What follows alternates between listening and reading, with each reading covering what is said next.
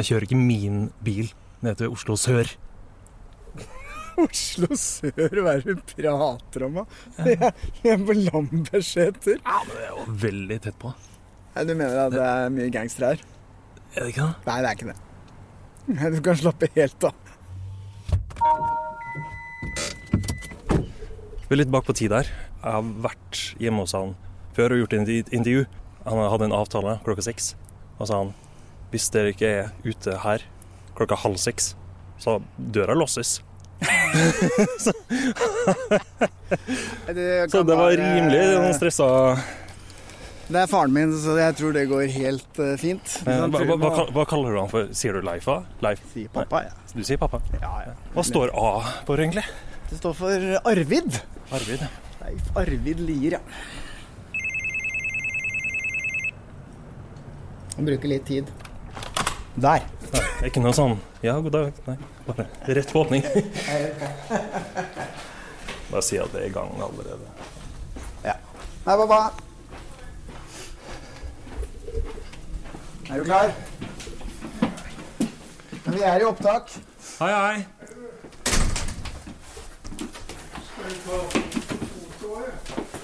Nei, det er ikke, ikke noe foto i dag. Bare lyd. Ja, det er vil jeg regne med. Ja, ja, ja. Ja. Ikke barbert noe, ikke fiksa Nei, det går fint. Hei.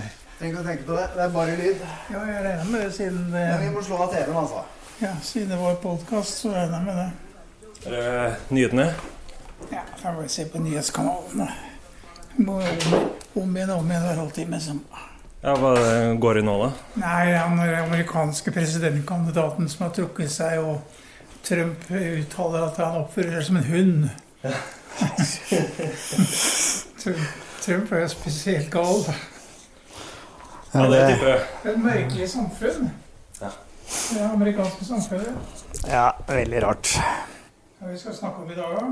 Nei, det som er morsomt, vi tenkte da, pappa, det var jo at du har jo gjort mye spennende i livet og hatt mange Vært eh, en del av mange drapsetterforskninger og store etterforskninger. Det er mye true crime her. Ja. Og det denne podkasten handler om, er jo rett og slett å fortelle gamle historier. Ja, Og da syns vi det var morsomt å, å ta med en episode om det, da. Mm. Så hvor skal vi begynne? Det er jo eh, Men skal vi begynne fra børjan av, sånn noenlunde For en av de første store sakene dine var vel kanskje ja, Var det Antonsen-brødrene, eller var det Ja,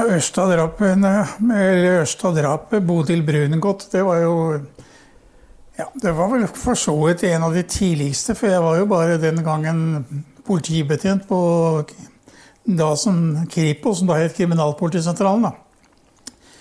Og, eh, men jeg var eldste etterforsker, så jeg reisa ut som etterforskningsleder i denne saken der. Så det var en av de første, ja. Men er ikke den, eh, hvis jeg ikke husker feil nå, så er vel den saken litt spesiell, for det var vel egentlig eh, på mange måter den Norges første serie drapsmenn, var det ikke det? For det var jo ikke bare ett drap. Det var eh, Det ble oppklart til tre drap. Ja. Tre drap, altså. Uh, Antonsen, Edgar Antonsen, han er jo død nå. Men eh, han var liksom eldste halvbror til en som het Terje. Og de ble jo begge to dømt for eh, 21 år, altså maks den gangen. Og fremdeles er det for drap, da. Ja, for det var jo tre drap. Ja, de, de, var, de, de var de første som ble oppklart, for å si det sånn. da. Ja.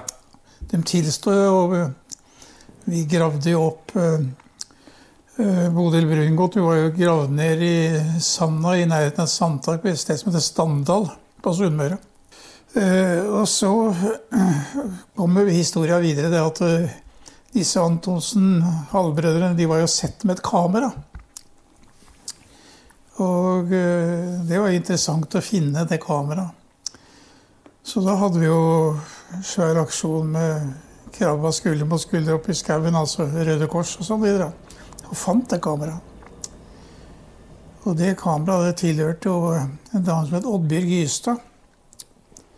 som hadde vært meldt savna. Hadde vært på en eller annen jazzfestival eller noe sånt oppi der, og så var det savna, var meldt savna.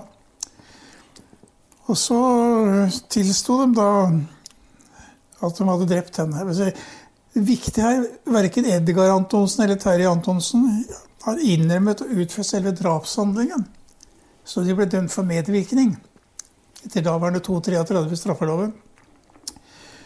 Så Oddbjørg Gystad ble funnet da, etter påvisninger fra Terje, da, yngste av dem, som sa hun, at hun ligger inne i et tunnel, og en nedlagt jernbanetunnel. Og da fant jo da Oddbjørg Gystad øh, vil si Jeg fant henne ved en tilfeldighet. Jeg lyste over en sånn betongkant. Og der var det masse benrester. For det har vært mye dyr på henne altså, og spist opp det meste. Ja, hvor, hvor, lenge hadde hun ligget der? da? Ja, Jeg vet ikke, kan jeg ikke huske, men det var, vel, det var ikke så veldig lenge. skjønner du. Nei. Men uh, hun har ligget der en stund i hvert fall. Og selvfølgelig drept før Bodil Brungot. Sjekka de selvfølgelig nærmere på disse to gutta, da. Og Edgar var jo noe eldre da, enn halvbroren sin. Så fant vi ut at uh, en eldre dame som uh, da bodde vel i nærheten av Horten eller noe sånt. Tror jeg. Hun var jo funnet død hjemme med lampeledning og kvalt med lampeledning for en uh, lampe. Og så gikk vi løs på hjem da og snakka med Edgar Antonsen spesielt, for Terje var litt for ung til det. Og eh, da var han forbanna, fordi det hadde stått i Dagbladet sånn at eh, han hadde vært eh, på tjuvperm i Forsvaret. Og det ville han ikke ha noe av. Jeg har aldri vært på en tjuvperm sånn. Jeg hadde vanlig perm. Så det skal Dagbladet få lov til å beklage, sånn. At de har skrevet feil det, om dette. Det var liksom det verste? Ja, det var det verste for han da, ja. Mistenkt for drap på tre damer? Men, altså, men det med tjuvpermen, det skal han altså frabedt? Nei da, jeg sa det rett ut. Altså. Ja, det er greit, jeg skal tilstå det drapet på bestemora mi. Under forutsetning av at jeg får en dementi i Dagbladet. Fikk en flott dementi med ramme og greier. Hvor Dagbladet beklaget at jeg hadde skrevet noe tjuvperm, noe som ikke medførte riktighet. Og da tilsto drapet. Men jeg må, jeg må bare spørre. Altså, tok liv, han tok først livet av bestemora si. Ja. Og så en dame på en jazzfestival. Hvor gammel var hun? Jeg tipper at Oddbjørg Justad var i 20-åra. Og så tar de livet av en tolvåring. Ja. Hva, hva, fikk du noen greie på? Hva motivet Ja, motivet var seksuelt. Mm. Eh, altså ikke, ikke bestemora, da. Det var vel, hvis jeg ikke husker feil, så var det vel penger, det, da. Men, eh, men eh, både Oddbjørg Gystad og, og Bodil Brungot, det var jo seksuelt. Det var jo de hadde vært borti veldig mye seksualsaker. Mistenkt for voldtekter osv. Ja, de hadde en lang historikk? En lang historikk. Ja, okay. Spesielt Edgar. Ja. Eldste, han var helt spesiell. Nå husker jeg ikke hva som sto i dommen, men det sto noe i nærheten av at han var født sadist fra barnsben, eller, fra fødselen. Så han øh, sona vel en 14-15 år, vel. Og så slapp han ut. Men han var jo en spesiell type. Du vet, han var jo Hadde ikke hår, egentlig. Omtrent som deg. Hva, hva er problemet med det? Hva, hva vil du frem til? For, for han var dette et veldig problem. Så han lot håret vokse bak og ned i nakken. Og så tok han håret fram over, over huet, og så ah, limte han det fast foran. Og så limte han det fast? Ja. Det, er noe du kan, kan tenke på. Nei, så var han, eh, han var, var, på kontoret mitt eh, i politihuset etter at han slapp ut. Og da fortalte han at han eh, skulle reise nordover. da, Han reiste til Finnmark et eller annet sted. Og der liksom komme unna kjendiseri osv. Og, så og der ble han funnet drept. Ikke drept, men der ble han funnet død. Ja. Og ute i marka. Og ved uh, en stein. Og uh, der gikk det veldig mye rykter, da. Uh, men det var aldri noe sak. Det var ingen som kunne påvise at han var tatt livet av. Det ble kanskje heller ikke sjekka så veldig grundig? Nei, men da var det jeg vet ikke, det lokale politiet som etterforska den saken. Vi hadde ikke noe med det lenger. Nei. Så, så har vi jo da Terje, han lever jo i dag. Yngstebroren. Han øh, bor i en lita bygd borte på Vestlandet og skifta navn. Men Var dette en av de første store drapssakene dine, eller hvordan var det? Ja, det er veldig vanskelig for meg å huske det, det da, for jeg var med på flere øh, som etterforsker. Blant annet Lillehammer-drapet. Ahmed Boushiki. Mm. Det var omtrent på den tiden. Men det var jo noe helt annet. Det var jo Mossad og Ja, det var Mossad, israelsk etterretningstjeneste, som sto bak det. Og det var litt sånn, sånn som livet var den gangen. Jeg bodde jo på Skullerud i hus. Du var ikke gamle gutten. Han er jo født i 67, så satt vi der en lørdagskveld hjemme. Da og da ringte telefonen, som alltid gjorde det. I dag så er med flere hundre mennesker oppe på Kripos ikke sant? og svær etterforskningsavdeling. Vi var ikke med den seks, sju, åtte stykker. Så vi måtte ut hele tida. Så ringte jeg telefonen og fortalte at det var en mann som var skutt på Lillehammer. Det var anmodning fra politimesteren om bistand fra Kripos, da, eller Kriminalpolitisentralen. Så da reiste vi som vanlig ut da, med etterforskere og eh, kriminalteknikere. Der kom vi fram så omtrent midt på natta. Eh, I hvert fall lenge etter klokka tolv. Og da husker jeg vi diskuterte oppover i bilen hvordan skal vi klare å oppklare dette. Det var eh, en mann da, som etterpå vi fant ut het jo Ahmed Boushiki. Han var jo skutt med 12-13 skudd med kaliber 22 high speed i gate akkurat i utkanten av Lillehammer. Han hadde vært på kino sammen med sin høygravide kone. Han gikk ut av bussen, og dermed så hoppa det et par mann ut av en bil og planta en 12-13 skudd inn. Uh, som egentlig vi fant etterpå, det var en vanlig måte som israelerne brukte den gangen. Satte vi i gang som vanlig. og Vi satte i gang uh, såkalte tollsperrer. Og Det betyr at du da gir beskjed til alle grensepolitistasjonene om å være spesielt på vakt. Og, og det var, den gangen så var det Fornebu som var hovedflyplassen, det var ikke Gardermoen. Asker og Bærum fikk jo også da dette varselet. Og så hadde vi hadde flaks, da, for så vidt, fordi at uh, alle lensmannskontorene var varsla med en gang. Og det var en lensmannsbetjent, kom jeg ikke på navnet hans, men han uh, satte seg bilen og kjørte ned til um, E18 riksveien. Og omtrent idet han kommer fram, så ser han et par biler som kjører forbi. Og så legger han merke til at det er noen ikke, De er ikke mørkhudede, de er mørkere i huden enn i Norge. På den gangen så var dette spesielt. vet du. I dag er det helt vanlig. Den gangen så var det nesten ikke noen med litt mørkere hudfarge oppe i Gudbrandsdalen. vet du. Eh, så han noterte seg nummeret på bilen. Den ene bilen.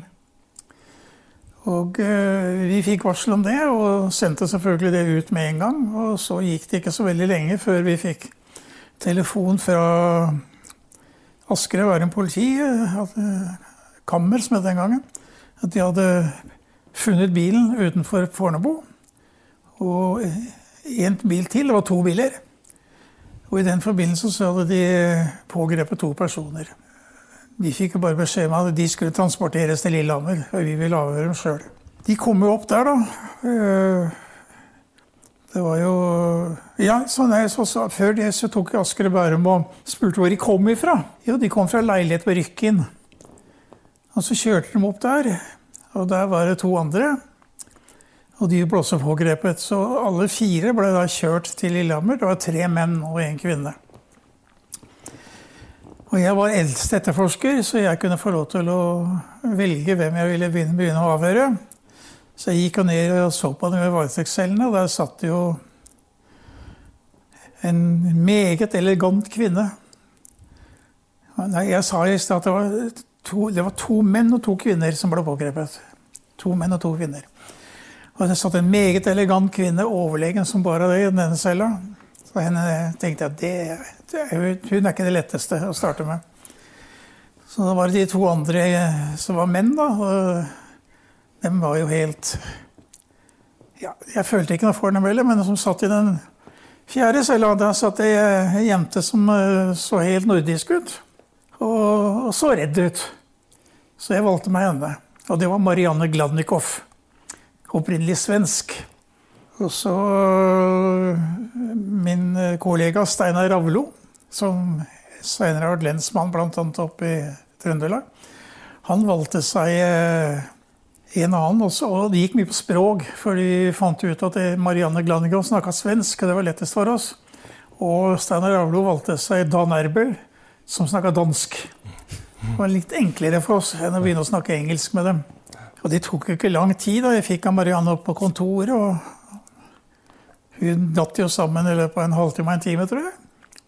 Vi var jo fremdeles ganske mistanke om at det var en narkotikasak som var dette her, for det var mer vanlig i Norge. Det var, det var ikke i vår villeste fantasi engang at eh, det kunne være noe israelsk etterretning som var inne i bildet. Men så forteller Marianne da at hun eh, bodde i Tel Aviv. Hadde flyttet fra Sverige sammen med sin mor og far. Og hadde da fått på en eller annen måte et tilbud om å begynne å arbeide på et kontor for det offentlige. Og hun kunne så lite om det, så hun sa enten så var det Mossad sa, eller så var det Shin Bet. Eh, Shin Bet har jo den interne etterretningen i Israel. Og så forteller hun da at hun eh, Mannen som kom inn på kontoret, hadde ikke vært mange månedene i, i Tel Aviv.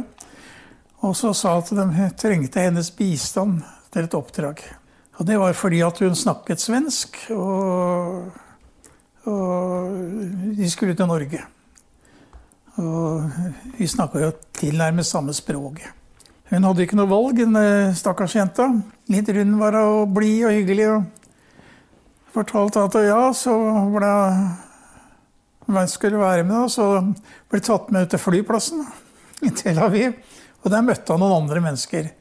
Blant annet en som snakka dansk. Han er Dan Erbel. Og han som Steinar Avlod at jeg avhørte. Og så var det da en, dame som uh, uh snakka engelsk, og hebraisk for så vidt også. Og en uh, annen kar som hun oppfattet som leder. Det var flere andre, men uh, hun visste ikke noe navn eller noe. Så de reiste da med fly da, til Fornebu og videre til Lillehammer. Så hun hadde ikke så mange jobber, men uh, hun måtte holde seg i nærheten hvis det var behov for henne. Og så hører hun plutselig da på walkietalkien. En mannsstemme som bryter inn og sier 'All cars go home'. Og da skjønte jeg at det hadde skjedd noe.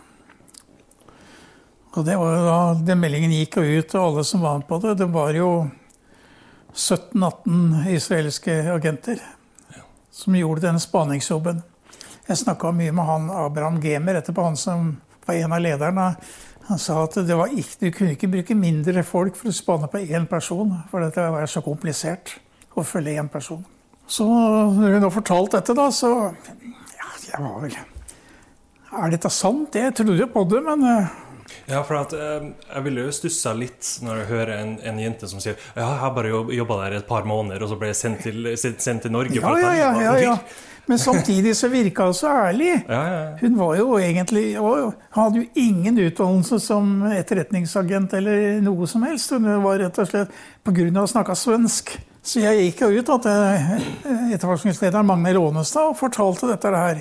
Og sa jeg kan ikke Jeg tror han snakker sant, sa jeg, men jeg kan ikke, kan ikke garantere. Men så gikk det ikke mer enn kvarter eller 20 minutter, så kom Steinar Rauflo ut. Han hadde fått samme historie fra den danske Dan Erbel. Ja. Og da var vi klar over hva vi drev med. Så da ble jo det som het POT den gangen, Politiets overvåkingstjeneste, PST i dag, de ble varslet. Så de hadde en lokal representant oppe på Lillehammer. og ja, Riksadvokater og alt ble varsla. Da begynte det å bli internasjonalt, dette, UD og alt som var. Men øh, de ble transportert disse her etter hvert ned til Oslo. da, Satt i varetekt i Oslo. Og hun øh, elegante damen, hun øh, oppga navnet sitt til å hete Patrice Roxburgh. Canadisk borger. Hadde canadisk pass. Gjennom Interpol, vet du, så canadiske myndigheter. Og det passet det var meldt stjålet, da eller mistet, i Canada. For der hadde hun jo bodd, hun eh, som egentlig het Sylvia Rafael. Det var navnet hennes. Så, så, ble det jo da De ble dømt, da. Men fant dere noen gang ut av hvem det var som utførte selve drapshandelen? Nei, det har jeg aldri funnet ut. Det var såkalt hitmen. De hadde, det var en del av den gjengen da, øh, som var der oppe. Øh, men hvem som avførte skuddene, det er ingen som har funnet ut.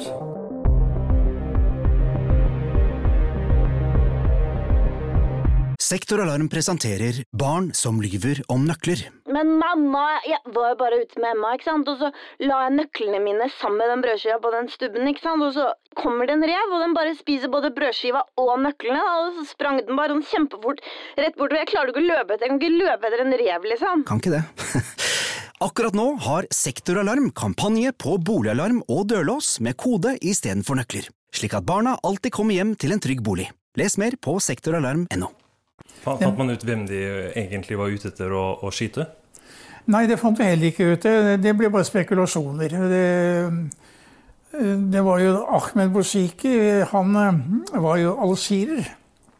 Og hadde jo da gifta seg eller var samboer med en norsk jente på Lillehammer. Han jobba i restaurant der oppe. Og eh, det vi fant ut, egentlig, det var fra den algirske avisen som har hyllet eh, sin frihetskjemper. Da. Men det er, du kan jo ikke stole på vet du, hva de skriver ned i sånne aviser. Så det, men eh, det vi fant ut, og vi vet i dag, da, det var jo at dette var jo da etter eh, etter Olympia hvor det ble drept flere israelske I München, ja. I Black München, ja. Mm. Og de var på jakt etter da denne drapsmannen. da. Ja. Nå kom jeg ikke på navnet hans i farten, men eh, han ble, han, de drepte jo han etterpå. da, De fant han etterpå. Men de mente at eh, Ahmed Bouziki var han, da. Okay, ja. Og da bestemte jo sjefen for eh, etterforskningen, eh, eller for denne gjengen, da Han har heller ikke pågrepet han stakk også av. eh, om at vi skyter han ferdig. Det er sannsynligvis sånn, men det var det jo ikke. Men det var jo en litt eh, spesiell sak eh, å etterforske Mossad. Så Nå var ikke jeg gamle gutten, men jeg kan huske at vi måtte stå opp midt på natta og, og reise til onkel Tore. I Drammen, ja. Og bo der en periode pga. trusler. Ja, Hva det var var, det som det var, skjedde da? Kom, ja, vi, vi kom jo tilbake til, skulle tilbake til Oslo, så fikk vi beskjed fra Kripos, da, eller Kriminalpolitisentralen, at eh, de hadde fått inn trusselmeldinger om at vi som drev med etterforskningen, vi skulle drepes. Tas livet av. Og så husker jeg kom jeg hjem, da. eh, og vi hadde jo sånt bygd, sånn politiets selvbyggelag i vårt Artos hus, ikke sant. Og på døra der så hadde jeg da en sånn, eh, som var moderne denne gangen, sånne trefigurer med navnet 'Her bor Berit', Leifa, Kurt og Stein Morten. Han yngste sønnen vår han var ikke født da. Han er født i 75. Og da hadde de kappet av alle hodene på den trefiguren som lå på trappa. Og da, da begynte vi å synes at det var litt alvorlig. Okay. Så da, da bestemte jeg meg for at uh, de skulle reise til broren til kona mi, da, som bodde i hva så er det rv. 13 utenfor Lier kommune utenfor Drammen. Og så de sendte dem dit. Og så hadde jeg pistol, da. Og så hadde jeg rottweileren. Og det var ingen som kunne nærme seg det huset. Vi, han gikk jo vakt hele natta, det gjorde han bestandig. Han sov om dagen. Han lå. Så da lå jeg og så med pistol ved siden av meg med rottweileren klar. mm. Du valgte å bli boende, ja, ja, ja, ja, ja, jeg valgte å bo der. var klar det Jeg- for, jeg- for jeg de som, det som måtte komme? Jeg følte meg ganske trygg. For altså Hvis vi skulle ta Komme inn i det huset der, så måtte de enten skyte rottweileren eller gjøre et eller annet. Og da ville jeg i mellomtiden ha full adgang til mitt eget håndvåpen og full kontroll. Så det, jeg følte meg ganske trygg, jeg. Men du, Sten Morten, forsto du hva som foregikk? Nei, tiden, jeg eller? var såpass ung, men jeg, husker, jeg kan huske at vi ble dratt opp av senga Ja. på natta. Og måtte liksom stikke av og kjøre til onkel Tore. Onkel Tore gikk jo rundt med, med jaktrifla så gjorde han Ja. ikke det? Han, var, han, var, han er en gammel jeger, han var livredd. Han fikk høre historien, så han, han bevæpna seg med en gang. Men han er jo, var- er jo også litt sånn lettskremt, aldri vært borti noe. Han var jo livredd. Jeg kjørte dem til Drammen og kjørte tilbake. Men jeg må si at jeg følte meg ganske trygg eh, fordi jeg hadde rottweileren. For han var ikke god å gjøre. Ja, her snakker vi altså Bagheera var rottweiler med stor R, altså. Det skal jeg love deg. Han var eh, den vaktbikkja og var ikke til å Du tulla ikke med han. Nei, du hørte han om natta, så jeg hadde to etasjer. Så kunne du høre han gikk og traska nede. Og hvis det var noen som gikk på veien i nærheten, hørte du Hallo, nå bare venta. Bare kom. Så smeller det. Eh, Det er mange morsomme historier om Bagheera, men eh, det som er veldig gøy, er jo at eh, Kurt jo en, har jo en barndomsvenn som heter Per Yngve Monsen, og det er jo broren til Lars Monsen.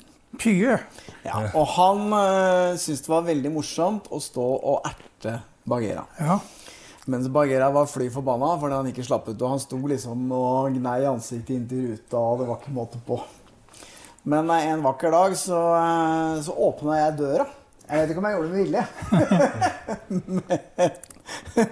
Bagheera slapp ut, og Pye løp. Og eh, Bagheera tok den igjen sånn litt ned i veien. Og så sugde tak i jakkeermet med tenna. Og så sto han og knurra til Per Yngve begynte å grine. Og da var han fornøyd. Da slapp han, og så rusla han tilbake. Da hadde han kontroll på han. Det var, eh, det var en tøff hund, altså. Har du blitt trua ofte? Ja, jeg har trusler. Jeg har hatt det, men øh, de fleste truslene har vært øh, ja, sånn som vi ikke har brydd deg noe særlig om. Jeg hadde mange sånne saker. Også som privatetterforsker etterpå hadde jeg det. Og da var det bare én beskjed å gi, og det er at øh, i Oslo politihus der er det 105 arrester, celler. Så hvis ikke du stopper nå, og gir deg nå, skal jeg sørge for at du skal havne i den cella der i morgen. Da ble det stille med en gang. Da trakk de seg.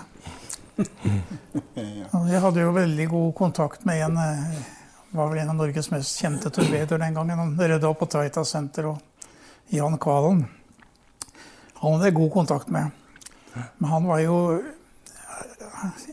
Det var ikke mye rart at det kom bl.a. en anmeldelse mot ham. for han hadde stukket en pistol ned i halsen på en eller annen i forbindelse med pengeinnkreving. Så sa jeg kan man, sa jeg til Fullmik, kan bare henlegge saken med en gang. Han har aldri hatt våpen. Han har ikke førerkort. Men han slår veldig hardt og sparker hardt. Han ble nummer to i proffverdensmesterskapet i kickboksing. Var livsfarlig. Men, eh, så han hadde mye moro med da. Når jeg traff han også etter jeg slutta i politiet. Det er noen par-tre år siden jeg snakka med han nå. Så tok jeg alt det sjerappet inn i maven, alt jeg kunne. Da holdt han på å lese i hjel. Det syntes han var så moro. For Han kunne tatt meg når han ville, ikke sant? Han var jo så livsfarlig sterk. Men han ga seg da med, med Han ga oss veldig mye opplysninger. Han var en fin kilde for politiet. Han har den oppfatning at politiet skulle man respektere. Så når to av mine spanere i sin tid da ble trua med skytevåpen, så ringte vi til eh, Jan Kvalen. Eirik Jensen som ringte, forresten. For han kjente han også veldig godt. Jeg skal se på det, sa han Jan. Og så gikk det ikke mange timene, og så ringte han tilbake. Sant? Hvis dere møter opp på det og det stedet i morgen klokka ett, så kommer han og leverer fra seg våpen og tilstår. Og det gjorde han. Rett i varetekt. Hadde ikke noe valg, han, vet du. Nei, hvis han hadde ikke gjort som Jan Kvalen sa hva Så det, han var, den var livredden. Det var enten å melde seg for politiet eller for juling av Jan Kvalen. Ja. Så valgte han Han det redda opp på Tveita senter. Der var det mye ungdomsgjenger. vet du. Og han fiksa dem. Han hadde mange eldre som var redde. Var ikke en kriminell på Tveita senter at Jan Kvalen hadde overtatt det. Han var i masse sånne bataljer. Og, men synd var jo at dette kriminaliteten utvikla seg så fælt. vet du, En dag som Han bor jo på Øvre Lindeberg. Og da ringte det på døra. Og utafor sto det en kar. Skulle prate med han. Ja, så Han gikk ut, han. Så sto det to mann bak med jernstenger og slo ned bakfra. Da havna han på Ullevål og lå der lenge. Og så gikk ikke, Det var nok kamp om hvem som skulle overta torpedomarkedet, tror jeg. Og så sto han på kjøkkenet, bodde i første etasje den gangen, i huset sitt. Og sto og lagde seg mat. Og så var det en som skøyt den i ryggen utenifra, gjennom vinduet. Jeg snakka med 'Hva gjorde du da, Jan?' sa jeg. «Du, Jeg hoppa ut i en, altså en liten skauholt bak der han bodde. Jeg hoppa ut gjennom vinduet sånn, og så lå jeg trøkka som en rype sånn. I, I lyngen. For da stakk han meg. Og etter den der, eh, der lå han lenge på Ullevål også. Etter de to episodene der, så da Dette. Han skøyt ikke, ikke sant? Han brukte ikke noe våpen. Og han syntes egentlig at dette her blei ja, det, det, Da begynte han å bli også litt voksen, da. Nå er jo Jan over 70, er han ca. 70, tenker jeg. Så, men han ga seg da var eh, litt over 50. Han var så sprek vet du, som bare det. Så vet du, Hvis det er noen som hørte at eh, selv i det miljøet da, vet du, at eh, Jan Kvalen var på motpartens side, så bare gjorde de sånn. Da ga de seg med en gang. Han er ikke så høy. 1,78 høy bare. vet du. Men utrolig sterk. vet du. Men eh, sant, alle de her personene du har jobba opp imot, det er torpedoer og det er narkomane og bankrøvere og alt det her, hvordan, hvordan har det vært? Hva slags typer er, er Nei, det har vært en vanlig jobb. Jeg har, eh, jeg har gjort jobben, og jeg har, så vidt jeg vet Jeg fikk høre av flere i miljøet at eh, jeg ble respektert. Fordi at jeg lovte ikke noe som jeg ikke kunne holde. Og hvis jeg hadde lovt noe, så holdt jeg det. Som så på meg som litt real i det miljøet der. Og det har nok redda meg mye. Og så selvfølgelig så hadde jeg da Jan Kvalen, da, som eh, så på meg som en kamerat omtrent, vet du. Til tross for at han satt inne en del. Og eh, de visste jo også det at eh, hvis de prøvde seg, så han fikk han høre det, så da var det slutt. Så jeg var litt beskytta, jo, sa de kriminelle. Eh, Merkelig, men sånn er det. For de skjønner de har sin egen moralkodeks. De fleste vet av dem. Det skal være ærlighet, og deg liker jeg, og deg liker jeg ikke. Og hvis du får en status og dem som noenlunde ærlig og grei, så, så går det veldig bra. Det er, mm. Så jeg har aldri følt meg trua, jeg. Men hvis du tenker tilbake på alle disse drapssakene som du har vært med på å etterforske og oppklare, er det noen av disse sakene utover de jeg har snakket om nå, da, som utpeker seg litt sånn Den tøffeste soppkaken jeg har hatt, det er eh, Scandinavian Star. Det var ingen drapssaker i den forstand, for der hadde jeg ledelsen og svær gruppe som jeg plukka ut, som da skulle ta seg av de pårørende og lika. Jeg hadde ansvaret for alle lika plassert, og alt sammen var 158 stykker. Det var 158 kister, dette var Fornebu osv. Men det gjør ikke noe, for jeg, jeg har vært på rettsmedisin hundrevis av ganger og, og vært på obduksjoner, så det var ikke noe problem. Men det som var problemet, det var all den sorgen. De pårørende. Og den er, det er en lang historie, så den kan vi ikke ta nå, men de pårørende det, det gikk så psykisk innpå meg. Det er første gangen, og eneste gangen i hele min polititid, at jeg følte meg helt utkjørt og nedslått og var, hadde litt problemer med, det. Og det var vel også den gangen som jeg Det var vel nummeret før jeg nesten ble skilt, altså, fordi at jeg brydde meg ikke noe om familien. Ingentingen. Jeg bare tenkte på den, de der stakkars pårørende. Og liksom hun kom, Kona mi kom og sa at det og det hadde skjedd. Altså det gir jeg faen i seg. Jeg var helt uinteressert. Fordi at det, det gikk så hardt inn på meg.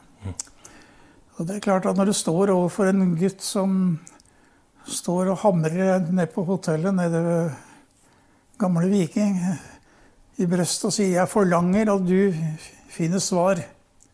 Og jeg hadde ikke noe svar, for vi hadde ikke kommet så langt ennå. Han sto og gråt. Han hadde mista fem medlemmer, fem, fem familiemedlemmer. Og han ringte meg hele tiden. Det er klart det. Det er den tøffeste jobben, det. Drapssakene har ikke vært tøffe i det hele tatt. Det har alltid vært sånn at eh, etterforska, sittet og snakket med pårørende, gjort så godt jeg kan der. Jeg reiste hjem på kvelden, spist middag, gått og lagt meg, sovna med en gang. Aldri tenkt på en sak etterpå, bortsett fra den ene Scandinavian Star. Den, eh, den tok nesten livet av meg, altså. Den var tøff. Husker du det, Stein Morten? Jeg husker det. jeg husker at Jeg tror vi var litt krangling hjemme da. Hvis jeg husker helt feil. Dette Vi var var vel eh, var i 1990. i 20-åra, ja, så det var jo I 1990, så du er født uh, i 23 67, Det var litt uh, trøblete akkurat den perioden jeg gjør det. Men, eh, men eh, ja, det var tøffe tak. Um, men over til noe som er litt mer eh, lystig. ja. Jeg føler at vi trenger litt her nå, Ja. etter å ha vært Ja. nede i mørket. Eh, så, så var det et lite opptak her på Du har jo med et opptak? Ja, ja. Ja. Eh, Det er noen sånne Holmlia gutter Ja. som har et radioprogram som heter Radioresepsjon. ja. Jeg vet ikke om jeg har hørt, men der blir du omtalt. De har en quiz. Der det er noe Leif Alier-spørsmål.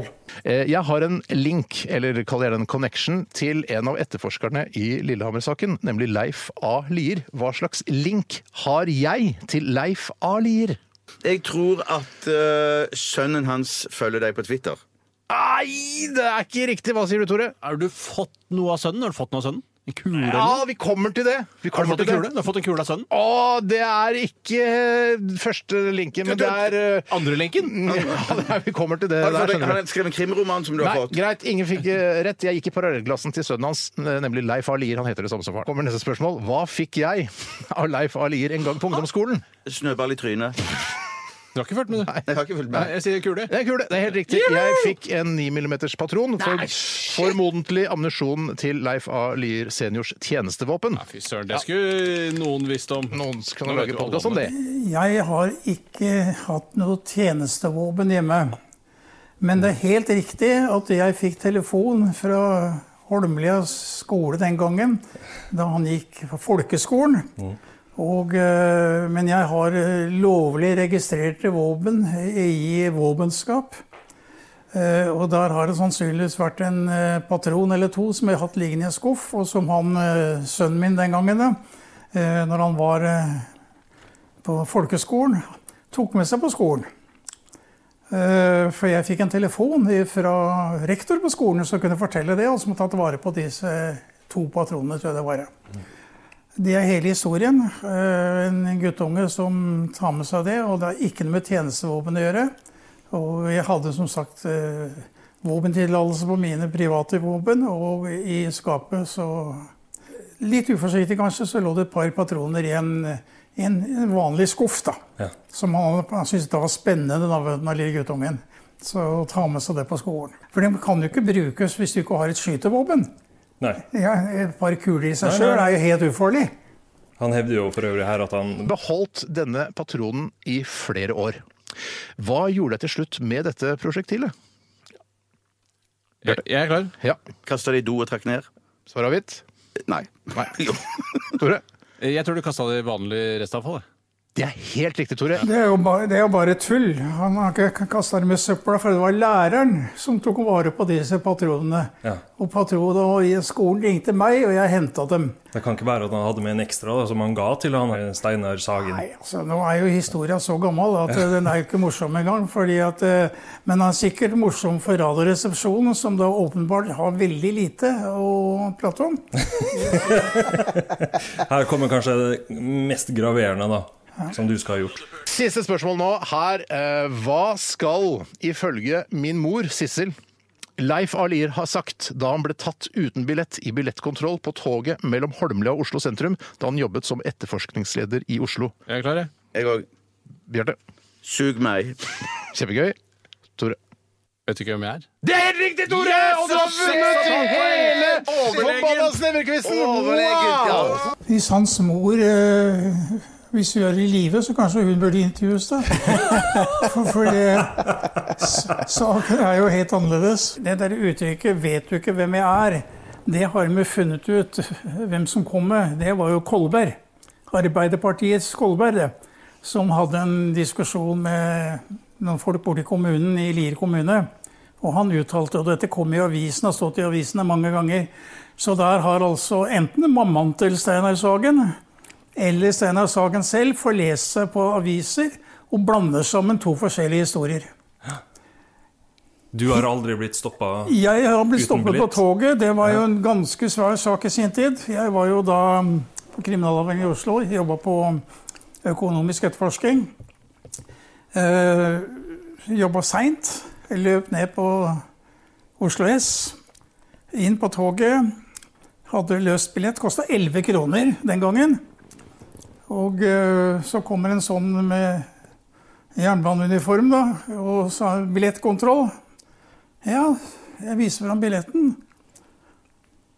Nei, du må betale usikker hvor mye det var, sånn og sånn, for du sitter i feil vogn. Jeg satt nemlig i en vogn som du måtte ha månedskort på. Månedskortvogn. Og dette skulle angivelig da stå utenpå toget. Det denne kontrolløren sa, det var at eh, enten betaler du denne ekstra avgiften, eller så må du gå av på første stasjon. Takk, da velger jeg gå av. Men så han tydeligvis kjente igjen meg, da, for jeg var jo litt omtalt i mediene. Så da varsla han avisene, da, tydeligvis Dagsavisen. Og da ble dette en svær sak. Da var det i gang. Så det er helt utrolig hva mediene kan få til å hause på ingentingen. 11 kroner.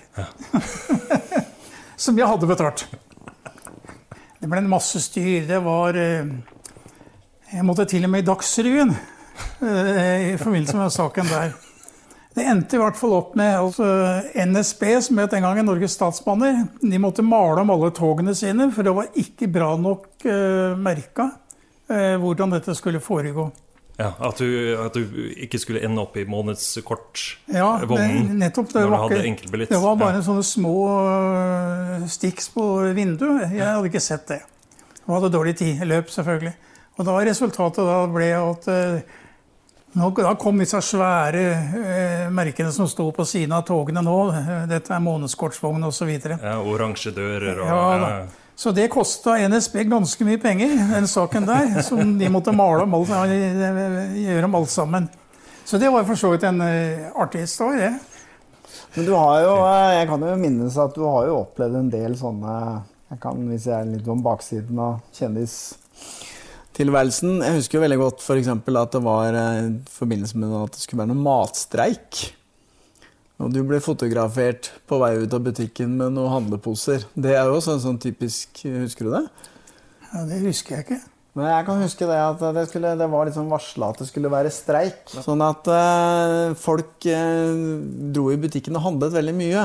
Ja. For at det kanskje skulle bli en streik. Og så var du i butikken en vanlig lørdag og gjorde en vanlig lørdagshandel med tre-fire matposer.